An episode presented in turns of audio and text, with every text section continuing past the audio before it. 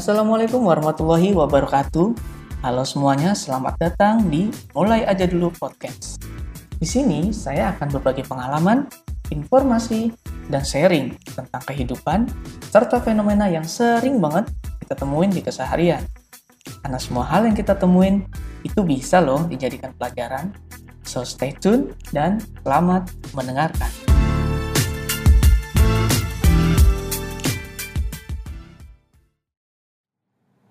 Halo teman-teman semua, gimana kabarnya? Semoga semua tetap sehat ya. Wah, tahun 2020 sebentar lagi berakhir. Dan kita masih ada di pandemi kayak gini. Apa kabar nih resolusi tahun ini yang udah kita susun kala itu ya? Semoga sudah ada yang terwujud. Kondisi pandemi ini emang bikin kita kesulitan di beberapa keadaan yang tadinya kerja ke kantor jadi harus kerja di rumah. Walaupun saya juga masih ke kantor jika memang diharuskan. Yang tadinya ke mall harus belanja dari rumah. Yang biasanya traveling kini harus tertunda. Banyak hal yang semula tidak bisa dilakukan dari rumah, sekarang harus dilakukan di rumah. Seorang pengajar di sekolah formal yang biasa bertemu muridnya dalam kelas, kini harus berjuang lebih untuk bisa mengajar walau harus secara online.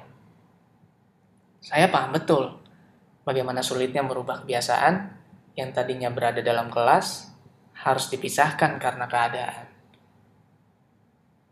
Maklum, hampir semua anggota keluarga saya adalah pengajar. Awalnya memang sulit menilai kompetensi peserta didik secara online, pasti tak semudah dilakukan secara offline. Hingga berjalannya waktu, semua sudah ter mulai terbiasa dengan mengajar secara online. Bahkan dengan cara yang beraneka ragam. Sepertinya para pengajar menjadi lebih kreatif dan memiliki kemampuan baru yang tidak pernah terlihat sebelumnya. Pandemi yang merubah proses belajar di rumah juga menuntut para orang tua untuk kembali memperhatikan anaknya. Yang biasanya menyiapkan sarapan sebelum anak berangkat sekolah, kini harus menyiapkan perlengkapan pembelajaran di rumah ada beban baru yang diemban oleh orang tua. Walaupun sekolah pertama adalah rumah, orang tua belum terbiasa dibebani dengan berbagai mata pelajaran yang saat ini sudah banyak berubah dari waktu mereka sekolah dulu. Lagi-lagi pandemi memaksa sebagian orang tua untuk belajar. Menyikapi bagaimana proses belajar yang harus tetap berjalan. Seperti tak ada perbedaan antara orang tua dan guru pada saat ini. Oh iya, selama pandemi COVID ini, karena proses belajar dilakukan di rumah, sering sekali saya mendengar istilah homeschooling. Tak sedikit teman dan kerabat menanyakan tentang homeschooling. Untuk lebih jelasnya, mungkin nanti kita akan ngobrol bareng dengan pakar di bidangnya, agar saya tak salah informasi. Saya tak tahu apakah harus berterima kasih kepada pandemi atau tidak.